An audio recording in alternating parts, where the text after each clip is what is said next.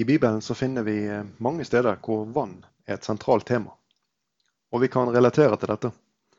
Vi har kunnskap om at vann er livsnødvendig. At alt liv avhenger av tilgangen på vann. Jesus han taler om eh, vann flere ganger. Og Han sier òg om seg sjøl at han er livets vann. Vann benyttes ved ytre rituelle handlinger. Og vi kan lese om at det blir brukt til renselse og det blir òg brukt ved dåp. Vi skal gjennom disse minuttene vi har eh, for oss, trekke noen linjer mellom Det gamle testamentet og Det nye testamentet, som omhandler vann. Paulus han eh, uttrykker hvor viktig det er å trekke lærdom av disse gamle tekstene eh, når han skriver til menigheten i Rom. Og Vi leser et vers fra Romerbrevet kapittel 15 og vers 4. Og alt som før er skrevet, det er skrevet til lærdom for oss, for at vi skal ha håp ved det tålmodet og den trøsten som Skriftene gir. I Det gamle testamentet så kan vi lese om en syrisk hærfører. En mann ved navn Naman. Han var spedalsk. Og han gikk til profeten Elisha. Og på denne profetens ord så gikk han for å bade seg sju ganger i Jordan. Og så ble han helbreda fra sin plage. Denne fortellingen den eh, finner vi i andre kongebok, kapittel 5. Og vi leser i dette kapittelet og vers 14 om Naman. Så dro han ned og dukket seg sju ganger i Jordan, slik Guds mann hadde sagt. Og hans kjøtt ble friskt som på en liten gutt, og han ble ren. I Det nye testamentet så kan vi lese om en lignende hendelse. Når Jesus eh, sender en mann av sted for å bade seg for å bli helbreda. Denne mannen i denne fortellingen, han var blind. Og etter at Jesus har møtt han og har smurt en leirelignende blanding på øynene hans, så sender han denne mannen av sted for å vaske seg i dammen Siloa. Dette kan vi lese om, og vi leser et vers i, fra Johannes evangelium, kapittel 9, vers 7. Og Jesus sa til ham, gå og vask deg i dammen Siloa, det betyr utsendt. Han gikk der bort og vaska seg, og kom tilbake seende. Vi skal se litt nærmere på vannet sin betydning i gudstjenesten under den gamle pakt. Og hvordan eh, dette har betydning for deg og meg som kristne i dag. Det ble benytta vann når eh, prestene som tjenestegjorde ved tabernaklet, skulle hellige seg før tjenesten. Og denne Renselsen den kunne skje flere ganger daglig, litt avhengig av prestens oppgave denne dagen. Men til dette formålet så var det satt opp et eh, renselseskar utenfor tabernaklet. Like før eh, inngangen til det rom som ble kalt for Det hellige. Dette var det, eh, teltets ytterste rom i tabernaklet. I den gamle pakt så fikk ingen andre enn prestene gå lenger enn til brennofferalteret. Dette er den første gjenstanden som en møtte på innenfor inngangen til tabernaklet sitt foregård. Og Her kunne mennesket komme med sine offer for synd. Og så ble de møtt av en prest som skulle utføre dette brennofferet. Og før dette offeret kunne skje, så måtte denne presten rense seg i vannbadet. Denne gjenstanden, dette renselseskaret, dette vannbadet, det står lenger inne i forgården. Imellom dette brennofferalteret som vi møter like etter inngangen, og selve tabernaklet som står lengst inne i dette området. Renselseskaret det er altså kun for prestene, og det må brukes flere ganger daglig. Vi leser fra 2. Mosebok, kapittel 30, og vi leser versene 17-20. Og Herren talte til Moses og sa, Du skal lage et kar av kobber, med fotstykker av kobber, til å vaske seg i. Og du skal sette det mellom sammenkomstens telt og alteret, og ha vann i det. Og Aron og hans sønner skal vaske hendene og føttene i det.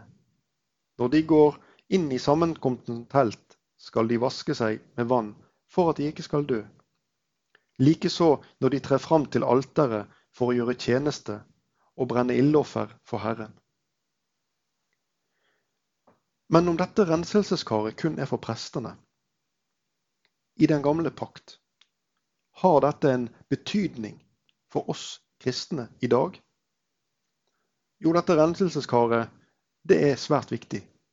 Med en gang du har akseptert det offeret som er beskrevet i den nye pakt, og dette offeret, det er gjort av Jesus idet han ofrer seg sjøl for dine og mine synder. Men hvorfor er dette renselseskaret viktig? Og har det i det hele tatt en rolle i det vi omtaler som den nye pakt? Vi skal lese noen skriftsteder før vi svarer på dette spørsmålet. Og Vi begynner med å lese fra Åpenbaringsboken kapittel 1. Og vi leser versene 5-6. Dette er en hilsen fra Jesus Kristus, det troverdige vitne. Den førstefødte av de døde og herskeren over kongene på jorden. Han som elsker oss og løste oss fra våre synder med sitt blod, og som gjorde oss til ett kongerike til prester for Gud, sin far. Ham være æren og makten i all evighet. Så leser vi òg fra 1. Peters brev, kapittel 2 og vers 5. Og bli også selv oppbygd som levende steiner, til et åndelig hus, til et hellig presteskap, til å bære fram åndelige offer, slike som er Gud til behag ved Jesus Kristus. Og videre fra vers 9 i det samme kapittelet her i 1. Peters brev. Men dere er en utvalgt ett, et kongelig presteskap, et hellig folk, et folk til eiendom, for at dere skal forkynne Hans storhet, Han som kalte dere fra mørket til sitt underfulle lys. Det er viktig å forstå den troendes rolle for som kristen, som en på Jesus-troende, så er du innsatt i tjeneste for Jesus. Du er prest for Gud til å forkynne Hans storhet. Det var dette vi leste sammen i dette verset, i det niende verset her fra 1. Peters brev, kapittel 2. Du har som prest adgang til dette renselseskaret. Og dette er en viktig del av gudslivet. Noen mennesker de plages av tvil, og forskjellige spørsmål kan oppstå. Og disse spørsmålene kan forstyrre den freden som Jesus vil at du som er hans barn skal ha i ditt hjerte. Noen kjemper med manglende frelsesvisshet, tross at de har overgitt sitt liv til Gud. Og de minnes stadig om egen utilstrekkelighet, og kanskje også stadig finnes det minner om fortrinn som om, om feiltrinn som hører fortiden, fortiden til. Andre syns det mangler en synlig forandring. Og de kjemper fortsatt med synd og feil, ja, til tross for at de vil leve med Jesus. Dersom vi skal betrakte dette som vi taler om her, ut ifra bildene som er gitt oss i den gamle pakt, så blir spørsmålet egentlig om vi stadig må rykke tilbake til dette brennofferalteret for å ofre på nytt eller om vi fortsatt er frelst, selv om vi fortsatt synder på nytt. Du Forståelse av brennofferalteret og renselseskaret, det er viktig. Hør, brennofferalteret, dette bildet, det sier egentlig dette. Du er en synder. Men pga. Jesu lidelse og død på korset, så er verket fullendt. Hans blod gjør det mulig å gi alle som bekjenner sine synder, og som tror på Jesus, en evigvarende forløsning. Du, Verdien av Jesu verk det varer for alltid. Og Dette er en viktig forskjell fra ofrene som vi leser om i den gamle pakt.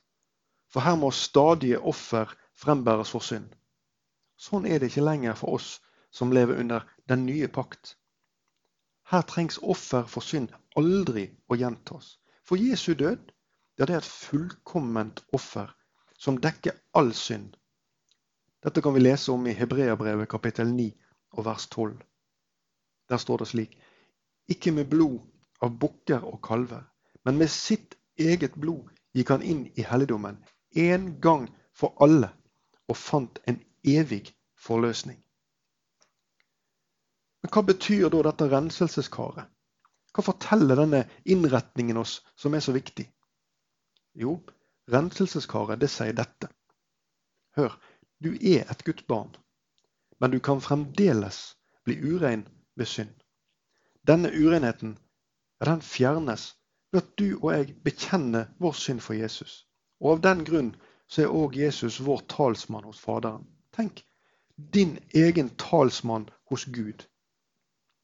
Og her fremstår han konstant som det tilstrekkelige offer for hva enn du har gjort, tenkt eller sagt.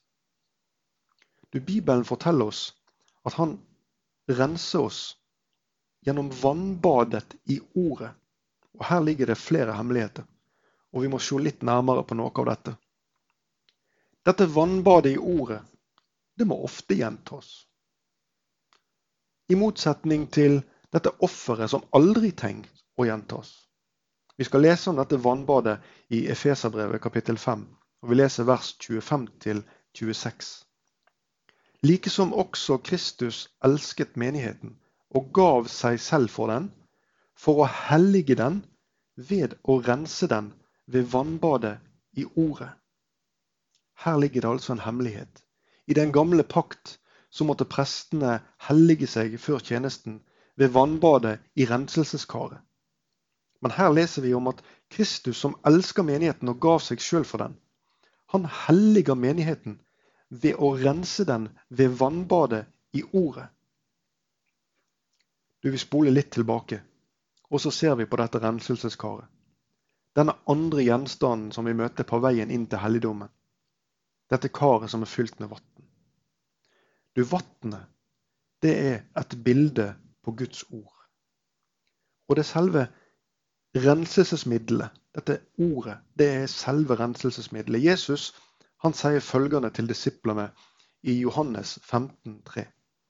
Dere er alt rene på grunn av det ordet som jeg har talt til dere. Du, ordet, det har altså en rensende effekt. La oss se litt nærmere på dette. Og la oss sammenligne denne renselsen i den gamle pakt og den som finnes i den nye pakt. I den gamle pakt måtte prestene hellige seg. De måtte vaske seg i dette karet for å kunne gjøre tjeneste. Vi leser fra andre Mosebok og kapittel 30 og vers 20-21. Når de går inn i sammenkomstens telt, skal de vaske seg med vann for at de ikke skal dø. Likeså når de trer fram til alteret for å gjøre tjeneste og brenne ildoffer for Herren.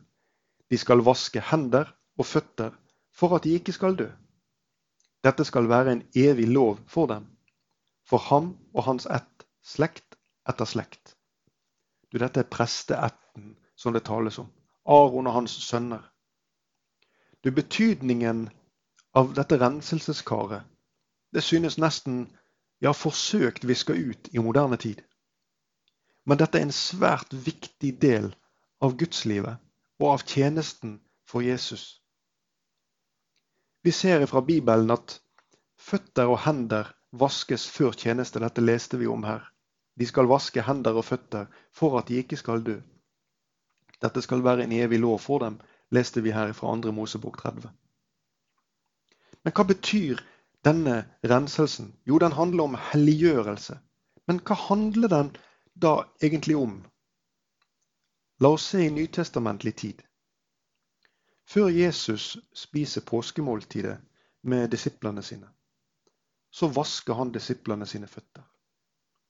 Men når han kommer til Peter, ja, så protesterer Peter. For han syns at det er uverdig at Jesus skal utføre denne handlingen. Han syns det er uverdig at Jesus skal vaske hans skitne føtter. Men Jesus han har en helt spesiell hensikt med denne handlingen. Og han understreker på en måte viktigheten av dette her for Peter på denne måten. Vi leser fra Johannes kapittel 13 og vers 8. Dersom jeg ikke vasker deg, har du ingen del med meg, sier Jesus. Min venn som hører dette som jeg forteller her i dag, og som har tatt imot Jesus. Du som har Jesus som din personlige frelser og herre. Hør, del i ham. Det fikk du ved alteret. men del med ham. Ja, det handler om eh, samfunnet med Jesus. Og det er dette Jesus beskriver for Peter. Du, Det var ikke tillatt å ligge til bords med ureine føtter. Og uten at de ble vaska, disse føttene, ja, så var det umulig å ha dette fellesskapet, dette måltidet som Jesus hadde planlagt i fellesskap med sine disipler.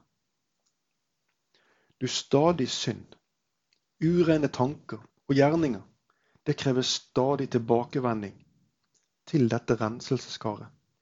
Og for deg og meg så det, betyr det i praksis omgang med Bibelen. Omgangen med ordet, med Guds ord, med Bibelen, du, det renser føttene. Og legg merke til dette. Det er Jesus som vasker. Det er en slik underbar sannhet. Så mange mennesker kjemper med å bli reine. Men alle sånne forsøk på renselse, de er forgjeves. For fortsatt så er det sånn som det var på disiplenes tid. Du må la Jesus få ta seg av denne gjerningen. Omgangen med ordet, med Bibelen, det rettleder oss. Og det betinger for fellesskap med Jesus. Du legger nøye merke til rollefordelingen i det Jesus sier til Peter. Dersom jeg ikke vasker deg, har du ingen del med meg. Dette renselseskaret, det er altså for den troende. Det er for deg som hører Jesus til. La oss repetere litt for å understreke betydningen av denne renselsen for deg og meg i dag. Vi leser i 1. Johannes brev kapittel 2 av vers 1. Mine barn, dette skriver jeg til dere for at dere ikke skal synde. Og hvis noen synder, har vi en talsmann hos Faderen, Jesus Kristus, den rettferdige. Jesus veit altså at vi kommer til å synde sjøl om vi har mottatt frelsen. Du, det ulydige barn, det kan på en måte ikke helt glede seg i fellesskapet med foreldre. Forholdet må på en måte renses for at gleden kan bli ny. For at eh, samfunnet skal fungere og kjennes godt. På samme måte så er et liv på kollisjonskurs med Guds ord et liv uten fellesskap eller uten del med Jesus. I motsetning til mange redskaper som vi finner i tabernaklet, så er det ingen dimensjoner som er oppgitt når det gjelder renselseskaret.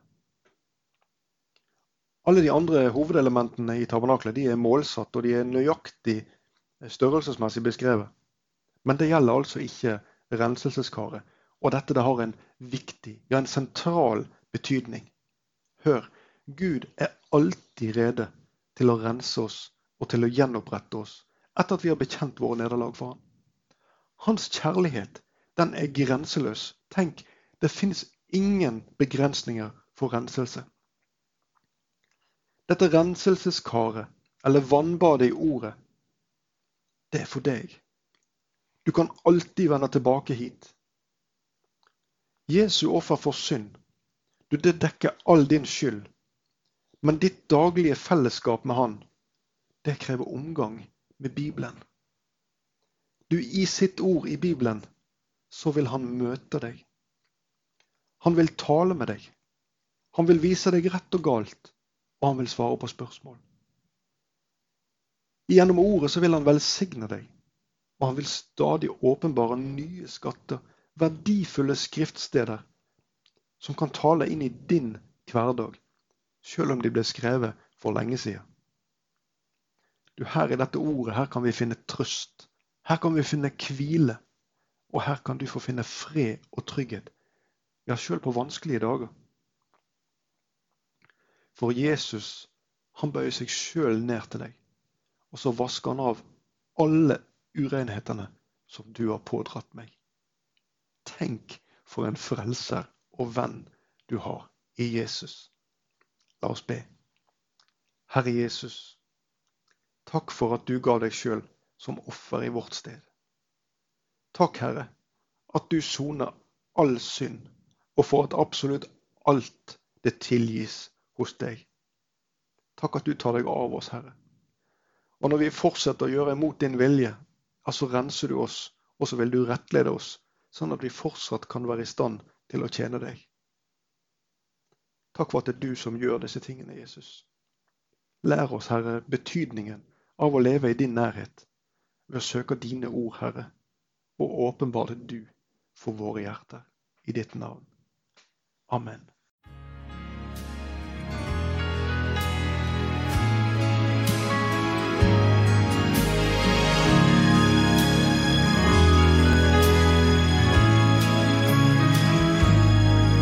I would love to tell you what I think of Jesus. Since I found in him a friend so strong and true, I would tell you how he changed my life completely. He did something that no other friend could do. No one ever cared for me like Jesus. There's no other friend so kind as He. No one else could take the sin and darkness from me. Oh, how much He cared for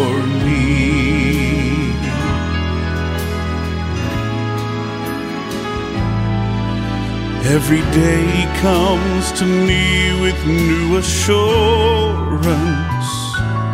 More and more I understand his words of love. But I'll never know just why he came to save me. Till someday I see his blessed face above. No one ever cared for me like Jesus. There's no other friend so kind as He. No one else could take the sin and darkness from me. Oh, how much He cared for. No one ever cared for me like Jesus. There's no other friend so kind as He. No one else could take the sin and darkness from me. Oh, how much He cared